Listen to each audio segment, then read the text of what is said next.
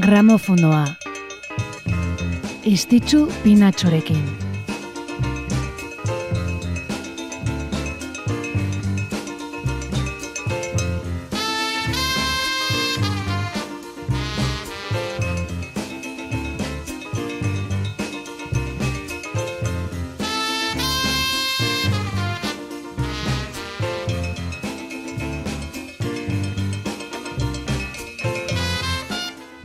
Gabon, Gabon eta ongi etorri, arratseko amarrak, asteazkena, martxoaren hogeita bedetzia, gaurko eguneko bazara, ba, zorionak eta unitz urtez, eta gramofono azko zatzera horbildu bazara gure gana, ba, mila esker zuri. Musika ditzeko tartea izaten dugu hau kantu ederrekin, betetzen ditugu asteazken arratsak eta bidena bar, ba, zenbait historio ezagutzeko probesten dugu aitzakia. Eta horretara etorri gara gaur ere, eguneko musika efemerideak errepasatuko ditugu. Az gaitezen.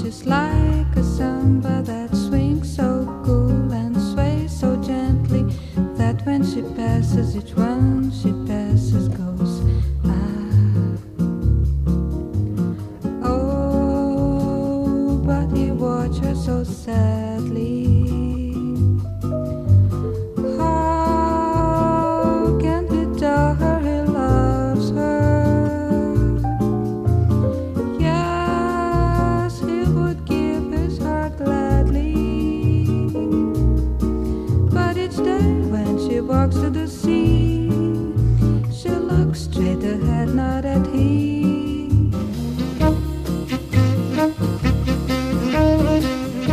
Abesti ilezkorronekin hasi gara Astrud Gilberto zoriontzeko bosanova, samba eta jazz abeslari brasildarra. Musika munduan, mila bederatzerun da berrogeita enmeretzean murgildu zen Joao Gilbertorekin ezkondu zenean. Bosanova generoko izen haundiko gitarristarekin. Irurogeita iruan, senarrarekin batera New Yorken egontzen, Antonio Carlos Jobim pianista eta kompositorarekin eta Stan Getz saxofoi jotzaile estatu batuarrarekin jasaren eta bosanovaren arteko fusio disko bat grabatzen zuten bitartean. Binoalako batean, senarrak garota de Ipanema kantuko estrofa batzuk kantatuko ote zitun galdetu zion eta hainbertze gustatu zitzaien bere ahotsa grabatzea erabaki zutela. Honi esker, Brasilgo musikaren urrezko garaiko interprete ezagunenetako bat izan zen Astrud Gilberto.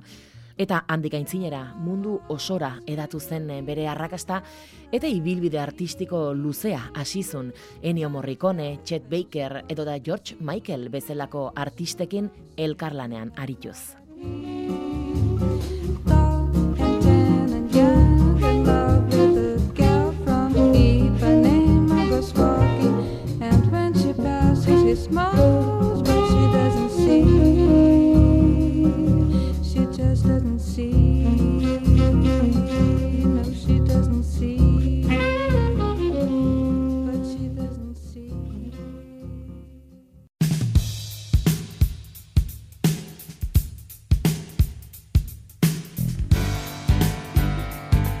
Larogeita iru urte gaur Astrud Gilberto kantari Brasildarrak.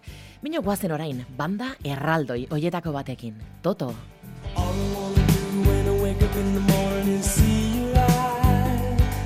Rosanna, Rosanna. Never thought that girl like you could ever care for me.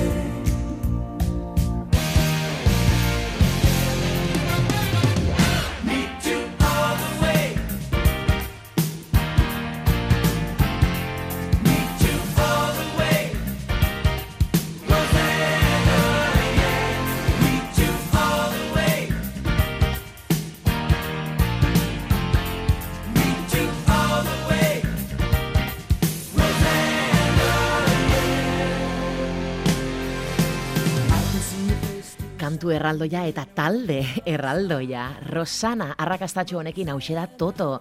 Talde mitikoa Jeff Porcaro baterista eta David Page teklatu joleak sortu zutena, kalibre handiko bertze musikari batzuekin elkartuz, Steve Lukather gitarristarekin erraterako. Irurogeita amaseian sortu zen taldea, 2000 eta zortzian utzi egin zuten, bino bi urte beranduago bueltatu eta gaur egun oraindik ere martxan daude. Ibilbide luzeko taldea da Toto eta normala den bezala joan etorriak ere izan dituzte. Hoietako bat Bobby Kimball eh, taldeko abeslariarena. Toto sortu zenen audizio bat egin ondotik eh, taldean sartu zen. Eta mila bederatzen da larogeita laugarren urter arte izan zen bera ahotsa. Taldearen eh, urrezko urteetan diskorik onenak grabatu zituzten urteetan Mino droga kontuengatik eta taldekideren batekin eh, zuen eh, harreman zailarengatik bota egin zuten. Naiz eta urte batzuk geroago taldera bueltatu zen, eh? Bino totok erran bezala 2008an eh, urte pare bateko deskantsua hartuzun eta berriro estenatoketara bueltatzea erabaki zutenean Bobby Kimball eh, formaziotik kanpo uztea erabaki zuten.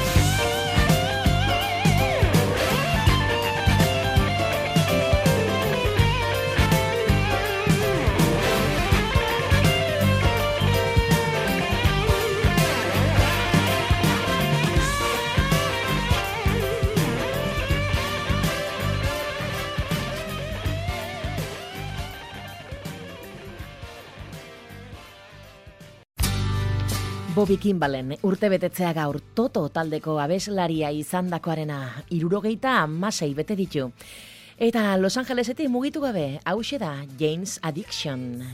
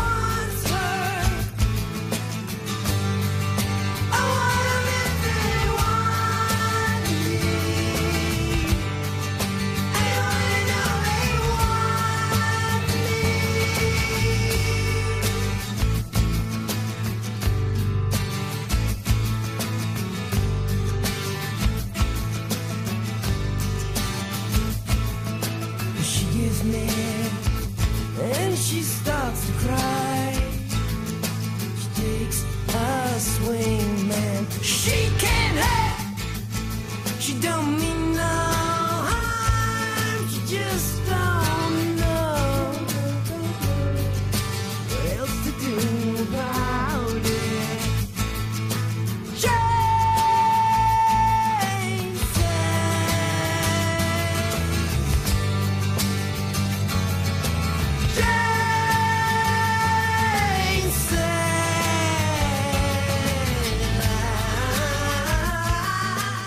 Perry Farrell zoriontzeko jarri dizuegu James Addiction taldeko Jane Says izeneko kantu hau.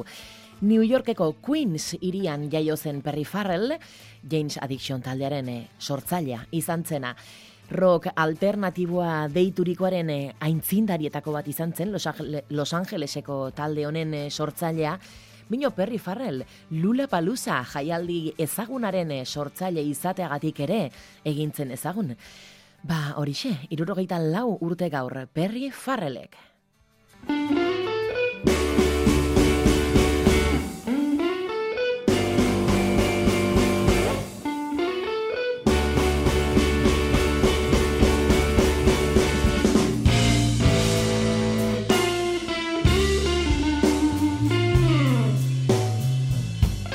Eta gaur, berrogeita amalau urte bete ditu Sue Foley, gitarrista, abeslari eta blues kompositore kanadarrak. Amasei urtekin hasi zen Otagoako blues talde txikitan jotzen eta mila bederatzerun da larogeita amabian argitaratuzun bere lehen diskoa Young Girl Blues. Gazte hasi zen, Sue Foley, eta ordutik amabortz disko ditu argitaratuak. 2008an gainera Blues Music Awards saria eman zioten, ba, blues tradizionaleko emakumezko artista onenaren eh, kategorian. Aditzen dugun honek Pinkies Blues du izena 2008 batean kaleratua.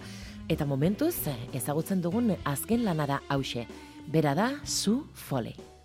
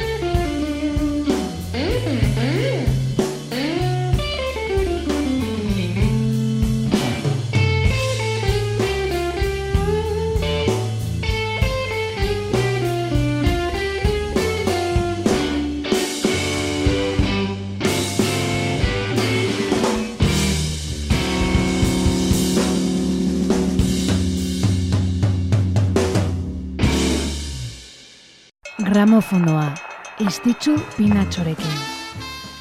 Eta mila bederatzeron da irurogeita zazpian Beatledarrak Sgt. Pepper's Lonely Hearts Club Band disko mitikoa grabatzen ari ziren izen luzekoa.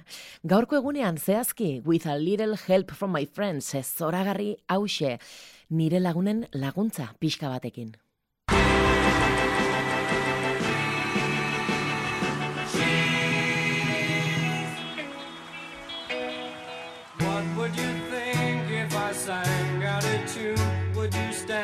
love.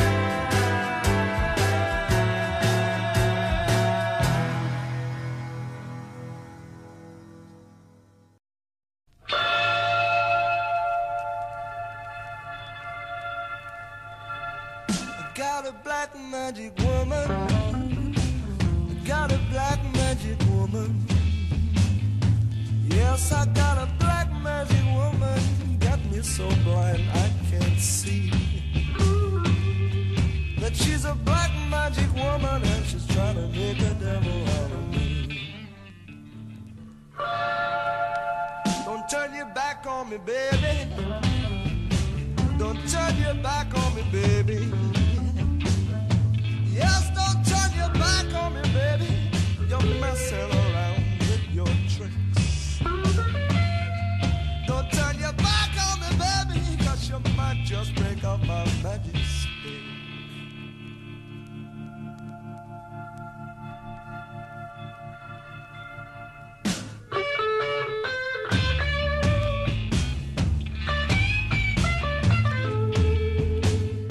eta estreinaldi baten urte urrenetik bertze batera. Beatlesak eh, aipatu dugun Sartxe, Sartxen Peepers Lonely Hearts eh, albuma argitaratu ondotik justuan urtebete beranduago irurogeita zortzian Fleetwood Mac eh, talde ingelesak Black Magic Woman magiko hau argitaratu zuten single moduan. Eta egia da urte guzi hauetan eh, artista batek bino gehiok bertsionatu duela kantu ederrau. Akaso eh, Fleetwood Macek lortu zuena baina narrakasta edo edapen handiagoa lortu hartuz. Adibidez, e, Gary Howick e, erraterako, edo Snowy Whiteek e, Thin Lizzy taldeko gitarrista zenak. Eta ipatzen un arrakasta handi hori akaso guztietan ezagunen egintzen bertsioa Santanak, mila bederatzeron da, irurogeita marrean egintzuna. Baina hause bertsio originala, eh? Fleetwood Mac.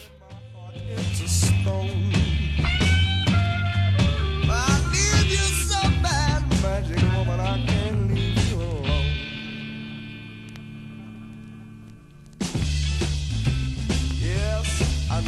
so bad.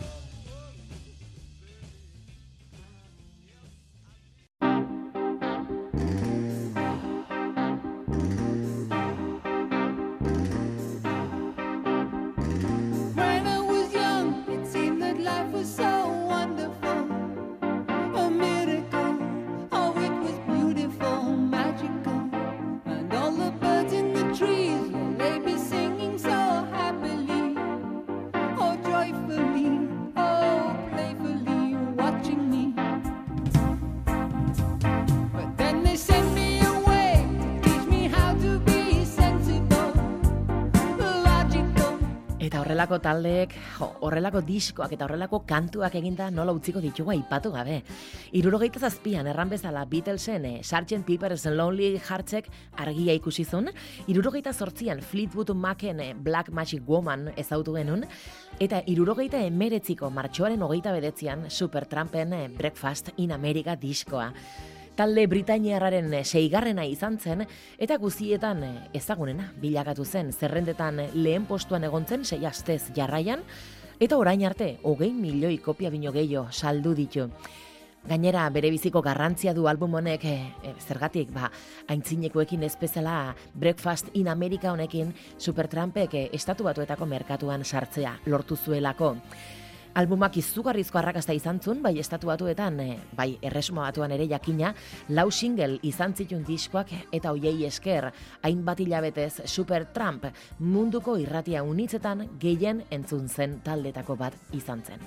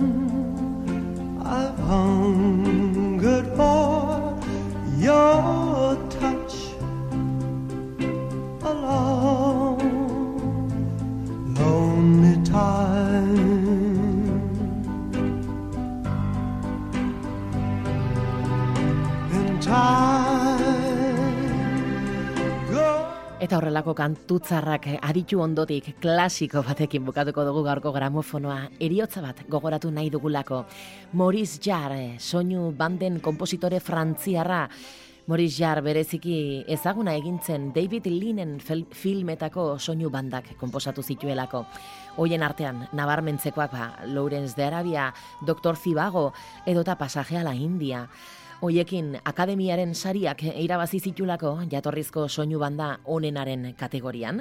Bino horretaz gain, lau urrezko globo, bi bafta, grami bat, eta nola ez Hollywoodeko ospearen pasealekuan izar bat ere lortuzun. Ghost pelikularako idatzitako Unchained Melody hau ere Maurice Jarrek idatzia da, eta erran bezala honekin bukatuko dugu Maurice Jarren eriotzaren amalaugarren urte urrena gogoratzeko. Onaino, martxoaren hogeita bedetziko honek emandakoak urrengo asteazkenan ere hementxe izanen gara. Amets goxoak izan ditzazuela, Gabon.